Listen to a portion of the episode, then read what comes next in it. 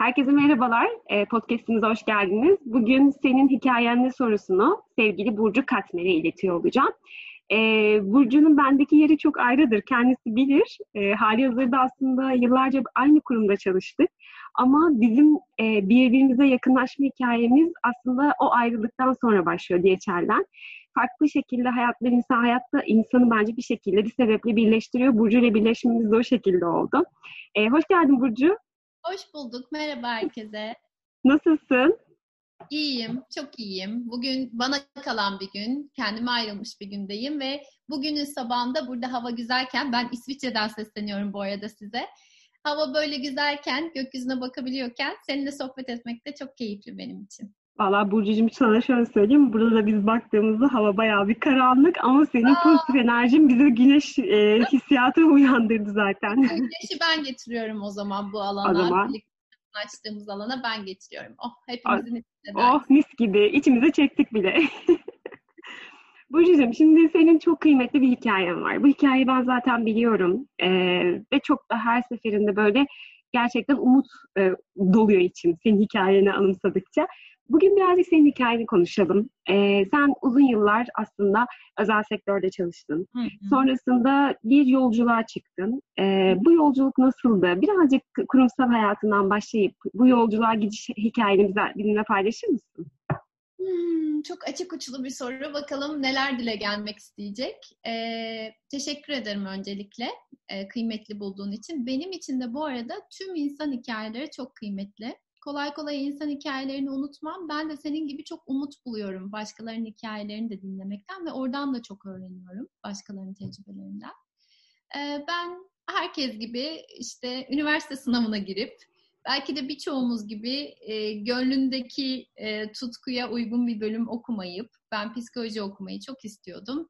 O bizim zamanımızda puanlar gelmeden seçim yapılıyordu. Uluslararası ilişkiler ikinci seçimimdi çünkü o zamanlar çok meşhurdu. Ve annemin bir kuzeni vardı dış işlerinde çalışan. Belki oralara girerim gibi bir hayalim oluşmuştu. Nihayetinde birinci tercihim Boğaziçi Psikolojiyken onu iki puanla kaçırıp ikinci tercihime İstanbul Uluslararası İlişkilere girdim. Hayatım öyle şekillendi. E, uluslararası ilişkilerden sonra aslında son yılında ne yapmak istiyorum derken baktım o dönem lojistik çok e, meşhur. Etrafı görüyorum falan. İşte tercihler nasıl şekilleniyor o yaşlarda. E, DHL Express'ten birileri gelmişti kariyer günlerine tahmin ediyorum hatırladığım kadarıyla. O zaten bir aklıma kazınmıştı. Sonra Zeynep vardır. Zeynep'cim e, bizim e, yazdığımızla aynı yerde onların da yazdığı vardı. DHL'e girmiş. Onu da görmüştüm. Zaten benim zihnimde beliren o hayal Zeynep'in oraya girmesiyle acaba olur mu dediğim bir şeye dönüştü. Zaten üniversiteden mezun olur olmaz hiç beklemeden bir işe girmiştim. Hemen sonrasında DHL'le görüştüm. Sonra oldu ve benim için aslında gerçekten e, gerçek anlamda bir okul olan DHL tecrübesi başladı. E, DHL'den sonra bir vakit e, orada ilerledikten sonra düşünmeye başladım ne yapmak istiyorum diye. Bir özgürleşme ihtiyacıyla e, sahada olmanın da isteğiyle Türksel tecrübesi başladı aslında Türkcell'de benim için gerçek bir özgürleşmeydi. Çünkü o koruyan, kollayan, düzeni belirleyen DHL sisteminden sonra bireysel olarak sahaya atıldığım bir düzenin içine girdim gerçekten. Çok şaşkınlık vericiydi başta benim için. Ve komik olan şimdi aklıma geliyor. Ben e, Turkcell'e başladığımda yolları bilmiyorum. Doğru düzgün araba kullanmayı bilmiyorum. Doğal olarak işi de bilmiyorum. E, çok böyle enteresan bir dönemdi benim için ama gerçekten sınırlarımın çok esnediği bir dönemdi. Bütünüyle Bence... baktım da öyle. Burcu şey galiba değil mi? Şurada araya girmek istedim kusura bakma. Ee, bence bu duyguyu en iyi şu kişiler anlar. Ee, ilk defa sahaya çıkmış insanlar anlar. Çünkü Aynen. uzun süre böyle koltuğunda oturup da çalıştığında orası aslında konfor zonu. Senin dediğin şey çok güzel. DHL gerçekten koruyup kollayan bir ana gibi e, bir e, kurum. E, buradan da sevgili DHL yetkililerine seslenelim. Teşekkür ediyoruz kendilerine. Evet. Gerçekten sağ çok başka bir tecrübe. Yani araba kullanmasından yolu bulmasına, ilk müşteriyle yüz yüze teması evet. kadarki nokta gerçekten yani tüm, tüm kabukları kırıyor bence değil mi? Ne hikayeler ne hikayeler. Yani. Aynen. Türk insanı düşündüğümüzde zaten çok renkli karakteriz.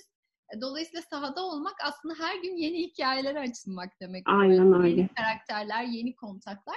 Şimdi düşününce fark ediyorum ki aslında çok da beslemiş benim o insan hikayelerine çok aç olan, çok iştahlı olan kısmımı. Yeni insanlar tanımak, tanımak çok beslemiş. Ben hiçbir zaman kendimi bir satış karakteri olarak görmedim bu arada. Hiç unutmuyorum bir yöneticim demişti ki herkes farklı satış karakterleridir. Sen de yarattığın güvenle, insan ilişkisiyle insanları tutuyorsun. Hakikaten de öyle oldu. Fakat Türksel, telekomünikasyon sektörü, rekabet, e, o, o şartlar gitgide beni zorlamaya başladı. E, ve geriye dönüp baktığımda fark ettiğim bir şey var. Ben herhangi bir ortamda yeter artık burada bir nefes daha almak istemiyorum fark ettiğimiz anı çok kıymetli buluyorum. Çünkü o bir zamandır tuttuğun nefesi, nefesten de konuşuruz belki. Aynen. Nefes geldi. Bir zamandır tuttuğun nefesi deyip bırakıp artık yeni bir yani gerçekten yeni bir nefes alma alanı yaratmak için çok önemli bir adım. Ben çok uzun zaman direndim.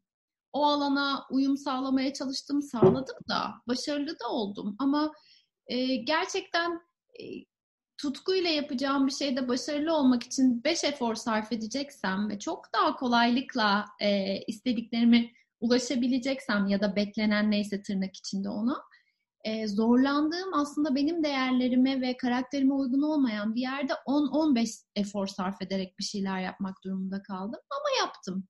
Ama öyle bir nokta geldi ki artık istemiyorum dedim. İşte o artık istemiyorum dediğim nokta ne istiyorum'a alan açtığım nokta oldu aslında. Peki sen aslında burada hemen girmek istedim. Bence çok önemli bir nokta. Sen aslında ne istiyorum sorusunu başta sormadın. Doğru muyum? Yani ben aslında ruhum ne istiyor? Ben gerçekten hayat amacımı e, karşılayan bir işini yapıyorum demedin. Hı hı. Aslında ben artık istemiyorum. Ne istemediğini çok iyi biliyordun. Doğru muyum? Evet çok doğru. 30 yaşıma kadar ne yapmam gerekiyor sorusuyla ilerledim. E, hatta sonra yazdığım kitap da tamamen bu amaçla yazılmış bir kitaptı. E, insanlara bir çerçeve yaratılıyor e, erken yaşlarında. O çerçeveye ne kadar uyarlarsa o kadar mutlu olacaklarına dair de bir fark etmeden inançta yatılıyor. Tüm nesiller böyle büyüdüğü için bana göre. E, ne zaman ki bir dakika ya ben bu çerçevede mi olmak istiyorum? Hani burada gülümser gibi yaptığım fotoğrafta mutlu muyum demeye başlıyorsun. Doğal olarak ondan sonra peki ben ne istiyorum sorusu açığa çıkıyor. E, ben hani e, koçluğu çok e, benimsememin ve profesyonel bir koç olmamın sebebi koçluğun temelinin açık uçlu sorular olması. Ne istiyorum sorusunu sorduktan sonra zaten cevaplar en doğru zamanda, en doğru şekilde geliyor. Önemli olan görebilmek için önce o olasılıklara açılmak, soruyla kalabilmek. E, ben de çok bilerek çıkmadım yola. Çok da enteresan oldu. Aslında her şey çok yolundayken, rakamlarım iyiyken e, o dönem bir arkadaşım yöneticim olmuştu. Arkadaşla çalışmak da çok zor bir şey bu arada. Bence de. olarak. Sonra bir şekilde öyle bir şey oluştu ki ben mutsuzum dediğimde o da vesile oldu buna. Yönetimle konuştu falan ve ben tazminatımı alarak ayrıldım. Hiç öyle bir şey söz konusu değilken. O tazminat zaten benim önümü açtı. Yani bir ekonomik sistem oldu. Ee, olmazlar olur oluyor yani. Benim yolumda hep olmazlar olur oldu. Sonrasında da zaten bir şekilde e, ne istiyorum açılmak, işte koçluk eğitimi, sonrasında çok uzun zamandır ilgi duyduğum nefese yönelmek, nefes eğitimi alıp sen bizimle kalsana dediklerinde orada çalışmaya başlamak, işte eğitimler koordine etmek, bireysel seanslara başlamak, e, kitabımı yazdığım dönem, Ondan sonra zaten yolun açılıp e, orada da çok açık söyleyeyim çok severek yaptığım işte de koşullar gereği artık burada olmak istemiyorum dediğim bir nokta geldi ve yine aslında mantıkla baktığımızda hiç doğru bir zaman değildi çünkü hamile olduğumu öğrenmiştim. Süper. Ama geldi işte yani vakit geldi mi yapacak bir şey yok. Ne istiyorum sorusunu da sormaya başlamıştım zaten. Ben tekrar kurumsal çevrede olup benimle aynı şeyleri yaşayan insanlara seslenmeyi çok istiyordum. Kendi know-how'umla, kendi eğitim programlarımla. Ve ben hamileyken bir eğitim danışmanlık şirketiyle çalışmaya başladım. Ee, oradaki yönetici de aslında yine daha önce çalıştığım yer vesilesiyle tanıştığım biriydi. Ee, o bağlantılar senin de dediğin gibi doğru zamanda karşımıza çıkıyor zaten. E, sonra eğitim danışmanlığı başladı ve ben işte nefes, stres yönetimi, mindfulness gibi konularda özellikle kendi e, know-how'larımı da bulmaya başladım nefes ve mindfulness için. E, sonra yeni bir hayal başladı. Burada bir durayım istersen. Yani buraya kadarki yolculuk. Mükemmel bir yolculuk. Aynen. Kurumsaldan şeye doğru giden. Mükemmel dediğin için teşekkür ederim. Aynen dediğim kısım şuydu. E, buraya kadar olan yolculuk hani ne yapmam gerekiyordan başlayıp ne istiyorum'a doğru gitmeye başladığım bir yolculuk. Böyle bir meraklı keşif hali. Elbette Her zor şey çok zor. Ya şöyle aslında Burcu, şimdi günün sonunda bu dönemde e, çevrenizi analiz ettiğinizde aslında herkesteki ortak sıkıntı e, şu an senin anlattıklarına paralel. Yani kimse kurumsal hayatın zorlukları var vesaireler. İnsanlar sevdiği işi yapıp yapmadığı ile ilgili soru işaretleri var. Ya da senin gibi örnek veriyorum psikoloji ilgisi var ama e, üniversite dönemindeki yanlış sistemin getirdiği kurallar nedeniyle asıl hak ettiği bölümü okumamış insanlar var. Ama günün sonunda sen eğer bir şekilde istersen o yollar, o kapılar sana açılıyor. Bunun bence en güzel örneklerinden biri sensin. Ben şunu ederim. sormayı çok arzu ederim burada diğer kısma geçmeden önce. Şimdi e, psikoloji günün sonunda aslında senin şu an yaptığın e, koçluk eğitimleri, mindfulness aslında çok ilintili ve zaten birlikteler, birlikte ekoller. Ama bir ön yargı var. Hı hı. İster istemez e, bireysel koçluk e, noktasında işte bir psikolog gibi olamaz ya da psikologlarda bu anlamda ciddi bir rezistans var. E, bence çok insan var asıl bu işleri girmek isteyen, asıl gönlündeki meslekler bu ama bu ön yargıları nedeniyle belki girmeyen. Ne önerirsin o insanlara? Ne düşünürsün bu konu hakkında? Bilgi fikrini almak isterim. Bir kere çok haklı buluyorum. Ben de belki psikoloji okumuş olsaydım ya da işte tıp eğitimi alıp psikiyatriye yönelseydim ben işte e, koçluk eğitimi aldım. Bu alanda insanlara ben de sizler gibi destek olabiliyorum diyen e, kişilerle karşılaştığımda bir tepki duyardım. Çünkü orada çok ortada bir emek var. Çok ciddi bir emek ve eğitim var. Fakat şu da bir gerçek ki e, koçluğun hikayesine geri döndüğümüzde neden çıkmış böyle bir alan diye pozitif psikolojiden doğuyor ve pozitif psikolojinin de savunduğu şey şu psikoloji bilimi o kadar klinik psikolojiye yani patolojilere yöneldi ki görece sağlıklı insanların ihtiyaçları e, ele alınamadı yeteri kadar. Aslında sadece e, bir işte e, cetvel ya da bir kitapta görülen e, patolojilere bakmak yani teşhis koymak değil aynı zamanda sağlıklı insanların e, iyi olma halini devam ettirmek için de kaynaklara ihtiyacımız var. Koçluğun doğuş yeri burası zaten. Bir kere şeyi ayırmak çok önemli geliyor bana. Alanda çalışan kişiler yani koçluk diyelim hadi adına ben tek bir e, şeyle sınırlandırmayı sevmiyorum ama ben mesela tek başına kendime ben profesyonel bir koçum demem sadece tek başıma. Bu benim için bir yaklaşım. Koçluğun yaklaşımını çok seviyorum. Ee, amaç ve aracı karıştırmamak çok kıymetli geliyor bana. Yeri gelmişken onu da söyleyeyim. Koçluk, nefes, mindfulness, şefkat her ne olursa olsun başlık e, hiçbiri benim için e, tek başına bir ana başlık ve bir amaç değil. Bunu yapıyorum diye kendimi tanımlayacağım bir şey değil. Her biri benim yoldaşlık demeyi seviyorum ben. Yoldaşlık ettiğim kişilerle birlikte açtığımız alanda yeri geldiğinde kullanılan araçlar. Ve bu araçları kullanabilmemi sağlayan şey de profesyonel olarak onlarla ilgilenmem kadar benim hayatımda e, buldukları yer. Şimdi buradan geri dönersem koçluğun ortaya çıkış amacı dediğim gibi e, görece sağlıklı insanlara bunu sunabilmek. Bir yandan e, psikologlar da elbette sağlıklı yani sağlıklı da ne kadar doğru bir tanım tartışılır ama teşhis hani e, psikoloji deninde rahatsızlık teşhisi koyulmamış insanlardan bahsediyorum. Orası da ayrı derin bir konu. Yani teşhis lanettir dedi geçen gün çok sevdiğim bir arkadaşım ve buna çok katılıyorum ama oraya girmeyeceğim. E, dolayısıyla alanları ayırmak bana çok kıymetli geliyor. Kimlerle ve nasıl çalışırım? E, hiçbir zaman işte herhangi bir rahatsızlık teşhisi koyulmuş kişinin aldığı tıbbi ya da psikoloji anlamında profesyonel de desteğe karşıt bir şey sunmuyoruz zaten. Ama şu çok kıymetli geliyor bana benim kendi yolculuğumda da kimya diye bir şey var. Birinin e, kendini açabilmesi, birinin eşliğinde yürüyebilmesi için güven ilişkisi kurmak çok kıymetli bir şey. Yeri geliyor ki olabiliyor bu. E, gittiği psikiyatriste ya da psikologda e, o güven bağını bulamayan biri bir yoldaşlık arayışında olup e, güveni sizde bulabiliyor ve birlikte bir yola çıkıyorsunuz. Koçluğun bir diğer kıymetli yanında yine koçluk yaklaşımıyla söylersem hiçbir zaman bir doğru dayatmak yok. Aslında yaptığımız tek şey alanı açmak kişiye, kendini görebileceği, konuşurken kendini duyabileceği alanı yaratmak. Ben bu kısmını çok önemli buluyorum. Hiçbirimizin bir diğerinden doğruları öğrenmeye ihtiyacı yok. Sadece durup benim doğrularım neyi keşfedebilmek için işte o kurumsaldaki yolculuğa da döneriz. Ee, sorular sorabilmeye, konuşarak kendini duyabilmeye ihtiyacı var. Burada devreye giriyor aslında bütün diğer alternatif yaklaşımlar. Ben bütünleyici buluyorum. Koçluk daha ya da koçluk yaklaşımına yakın yaklaşımlar bana göre daha önleyici. Yani var olan sağlığı devam ettirmek, ruhsal sağlığı devam ettirmek için olanlar. Bir teşhis olduğunda ve gerçek bir müdahale gerektiğinde zaten hiçbir zaman o alanı işgal etmeyip, etmeyip. doğru yere yönlendirmek. Hatta şöyle söyleyeyim ben birçok e, şeyi bilirim. Klinik teşhisi niye bilirim? Bilmek durumundayım. Yani ben koçum benim alanım bu değil deyip hiç öyle bir yaklaşım olmadı. Hem kendi ilgim buraya yönelik olduğu için hem de insanları doğru yönlendirebilmek için aradığınız şeyi başka bir yerde bulabileceksiniz de söyleyebilmek için zaten çok daha geniş bilgiye ihtiyacımız var.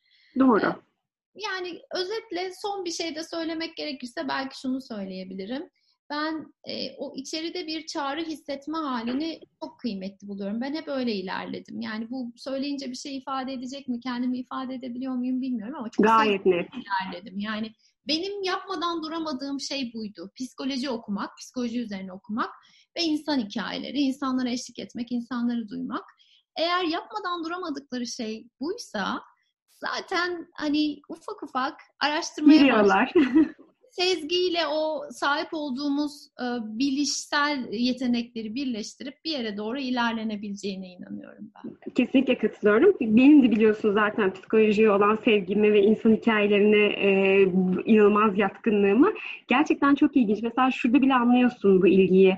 E, bir kütüphane, bir kitap evine gidiyorsun, kitap satın alacaksın. Aslında şu an örnek veriyorum pazarlama benim alanım. E, pazarlama ile ilgili bir kitaba elim gidiyor. Aslında diyorum bunu okumam lazım. Ama sonra bir bakıyorum ay Yalom'un da şu kitabı var ya onu mu alsam ki acaba falan diye hemen yanına bir psikoloji kitabı iliştiriyorum. E, pazarlamadan sıkıldığım an koşarak gittiğim yer yine orası oluyor. Yani gerçekten dediğin çok doğru. O şekilleniyorsa zaten o yol üzerinde ufak ufak şekillenmeye başlıyor. Doğal Peki. Yani orada doğal yönelim mi oluyor? Doğal yönelimin hani kendinle bağlantını güçlendirdikçe bence fark ettiğimiz şey şu her birimiz için doğal yönelimin bedensel olarak da seni yönlendiriyor aslında bir yere doğru. Kesinlikle. olarak yönlendiriyor. Ee, yine hani koçluk gibi tüm alanların bence temel hedeflerinden biri de ya da sağladığı temel şeylerden biri de kişinin kendisiyle olan bağını tekrar güçlendirmesi. O zaman zaten bana ne oluyor? Dışarıda olanla bana ne oluyor? Ben neye ihtiyaç duyuyorum? Şu an içimdeki canlı hayatta neler var? Nereye çekiliyorum? Bunları görmek de mümkün oluyor. Kesinlikle. Çok teşekkür ediyoruz aydınlattığın için bizleri. Ee, ben bir de sana şey sormuştum. Şimdi senin çok kıymetli bir göç hikayen var.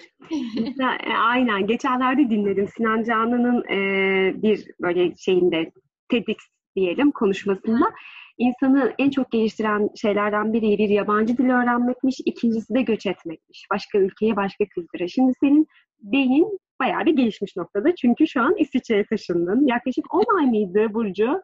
Bir yıla gidiyor. Bir yıla ee, gidiyor. Bir yıl oluyor. Yani neredeyse bir yıl. Bana çok kıymetli bir şey anlatmıştın. Bunu birazcık de, e, senden dinlemek istiyorum. Demiştin ki yani bizim buraya geleceğimizin e, hiçbir şekilde bir imgesi bile yoktu. Evet. Ama ben hayal ettim ve gerçek oldu. Bana o hikayeni e, bir de burada anlatmanı rica edeceğim senden. Nasıl Türkiye'de yeni ofisini kuracak bir İsviçre firmasından çok erken yaşında bir genel müdürlük teklifi geldi. Koşulları da zaten e, o zamanlara göre çok iyiydi. Olur mu canım nasıl olur falan derken ben dedim ki eşime gel biz baştan bir şampanya alalım. Ben önden kutlamanın gücüne çok inanırım. Bu işin olması için yani olmazsa da olmaz ama biz bir önden kutlamamızı yapalım. O zamanın şartlarında o şampanya değil şey oldu. Prosecco, gazlı şarap oldu ama olsun onu aldık. Olsun. Ve gerçekten sonra biz onu içtik. E, o pozisyon gerçekleşti ve çok da güzel sonuçlar aldı sonraki yaklaşık 4 yıl boyunca. E, bu arada kızımız oldu ve kızım olduğunda ben gitgide asıl önemli olan ne sorusunu sormaya başladım. E, bir cana hayat vermek ve onun büyümesine eşlik etmek e, hayat dediğimiz şeyi tekrar sorgulamamıza sebep oluyor ve ben aslında hayatı yaşamanın farklı yollarını keşfetmek istediğime e, karar verdim. E, işte bakıcılar geliyor gidiyor bir şeyler oluyor ben bir şeyler yapmaya çalışıyorum falan ama bir şey var ya anlam bulamıyorum yaşadıklarımda. Konfor alanı yani desteğinizin tırnak içinde olduğu belki maddi koşullarınızın geçmişteki kadar zorlayıcı olmadığı o yer her zaman anlamı beraberinde getirmiyor. Ben anlam hissini yaşayamıyordum o resmin içinde. Bir şey arıyordum yani içten içe bir arayış vardı. Aynı dönemde bir gün eşime dedim ki ben galiba başka bir ülkede yaşamak istiyorum artık. Çünkü sonları çıkıp işte alışveriş merkezine gittiğimiz, sistemden aldığımızı gittiğimiz restoranlarda geri verdiğimiz bir düzen e, beslemiyor beni, ruhumu beslemiyor. Biliyor musun son günlerde ben de aynı şeyi düşünmeye başladım dedi. Benim ilk başta İsviçre gibi bir hedefim yoktu. E, hiç de görmemiştim bu arada İsviçre'yi. Çok seveceğimi söyledi eşim. Ve biz bir şekilde ortada hiçbir şey yokken e, burada yaşayabilmek için Almanca öğrenmemiz gerektiği için bir gün karar verip Almanca ders almaya başladık. Ben hemen o gün araştırdım. Çok hızlı harekete geçirerim ben. Biraz aksiyon insanıyım. Arka sokağımızda bir Almanca kursu bulduk. Orada özel ders almaya başladık. Ve biz ders almaya başladıktan bir süre sonra e, eşimin şirketinde genel merkezde Türkiye'den sorumlu olan arkadaşı işten ayrılmaya karar verdi. Aa dedik ne kadar aslında eşleşen bir şey. Hemen bu konuda konuşabilir yöneticisiyle.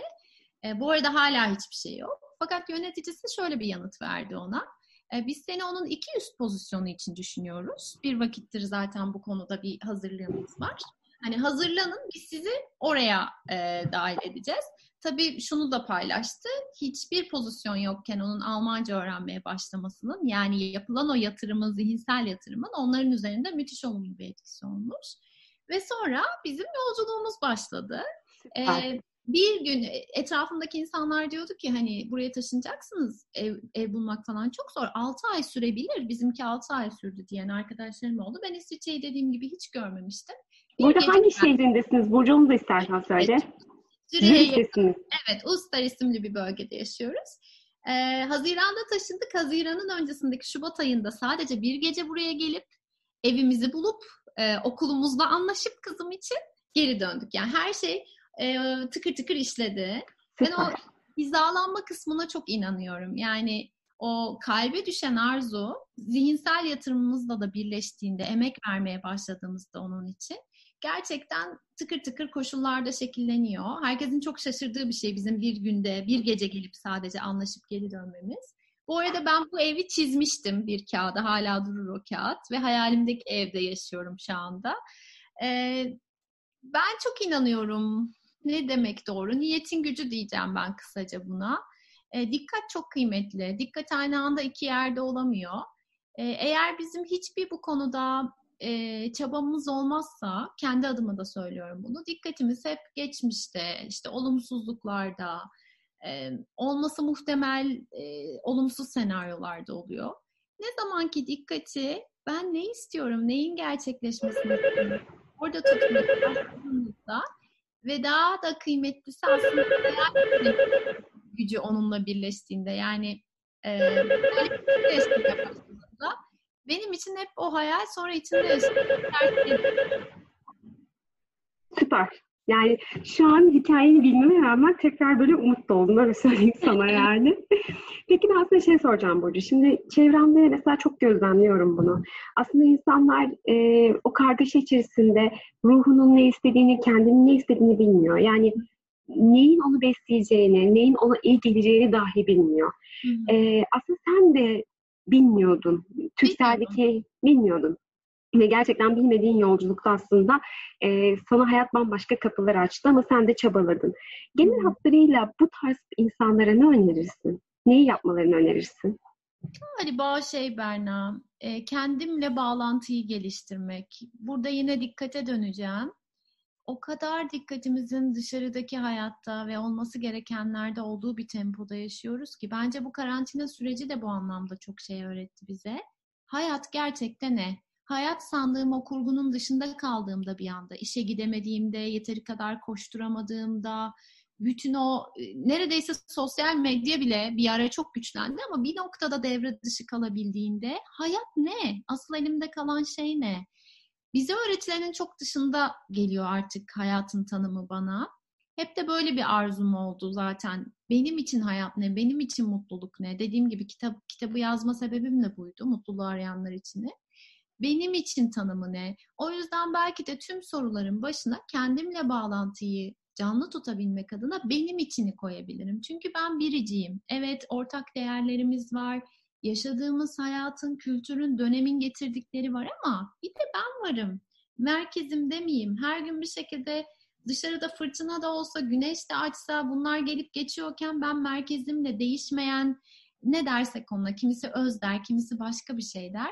Orayla bağlantıda mıyım? Yoksa dışarısı fırtınalıysa onunla savrulup, işte güneşliyse onunla mutlu olup, dışarıdaki koşullara göre başarılıysam tatmin olup, değilsem kendimi dipte hissedip savrulup gidiyor muyum bir şekilde? O yüzden belki de hani şu an akışta benden çıkan e, her sorunun başına benim içini koymak.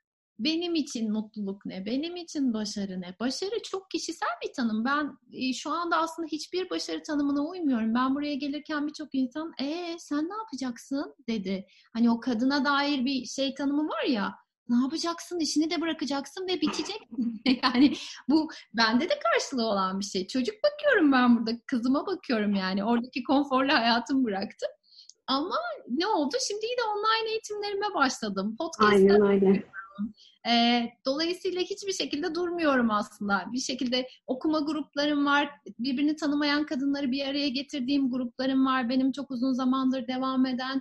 Dolayısıyla hani o dışarıdaki başarı tanımının çok dışında kalsa da uğraşların benim için başarı tanımı ne? Beni ne tatmin eder ve belki de bu yolculukta benim için en kilit soru bana anlam ifade eden şeyler neler? Yani benim için anlam nerede? Bir soru bırakacaksam buraya. Ben anlamı nerede buluyorum? Benim için anlam nerede sorularını sormayı çok kıymetli buluyorum. Zaten sonrasında dikkat istediklerime yönelmeye başladıkça dediğim gibi cevaplar en doğru zamanda geliyor. Bir de ben şunu çok seviyorum. Hayal kurmak benim için gerçekten beklentisizce yapılan bir şey. Ee, ters çaba kuralı diye bir şey vardır. Yani bir şeye zaten çok çaba ve beklenti yüklediğimizde gerçekleşmesini engelliyor oluyoruz. Ben hayalin içinde yaşamayı çok seviyorum. Yani bu evi çizerken o çizdiğim evde olmayı hayal etmek o an beni mutlu ediyordu. Tam da hayal ettiğim zamanda.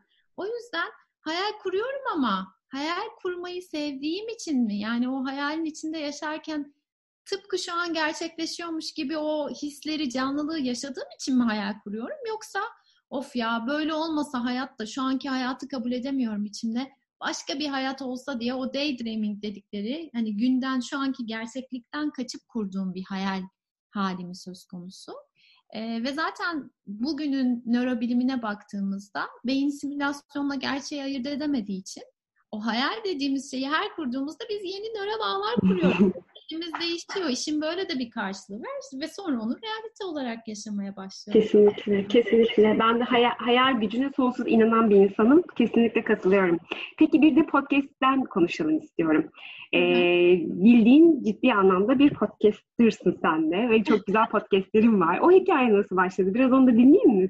Ee, şöyle buraya taşındıktan birkaç ay sonra e, ben de böyle hafif hafif bir hareketlenme başladım. Ne yapmak istiyorum sorusunu yine sormaya başladım ama buraya gelmeden önce eğitimlerimde çokça katılımcı bana şey derdi. Hocam siz bu meditasyonları yaptırıyorsunuz ama var mı ses kayıtlarınız? Biz sizin sesinizden dinlesin. Sesinizi duymak bize çok iyi geliyor falan.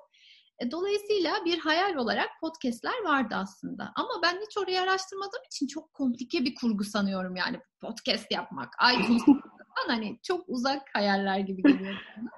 Sonra araştırmaya başladım. Ve benim hep bir gündür zaten yani aynı gün karar verip bir şeyler yapmaya başladım. Evet bir anda yapar hal.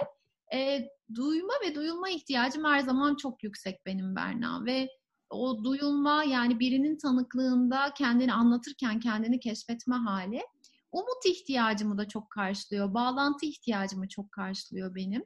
Beni şu an dünyanın bambaşka yerlerinde dinleyen insanlar var ve hiçbir kurgu olmadan yani basıp konuştuğum bir kurguda ben podcastleri yapıyorum. Tıpkı şu an sohbet ettiğimiz gibi. E, zannediyorum o hakikilik yani samimiyet insanlara çok geçiyor ve nice insanla podcastlerin bağlantısıyla e, yakınlık kurma şansım oldu. Hatta bu podcastleri dinleyen kadınlardan 24 kadından bir e, grup kurduk biz. E, beni çok etkileyen Kurtlarla Koşan Kadınlar kitabını birlikte okumak için.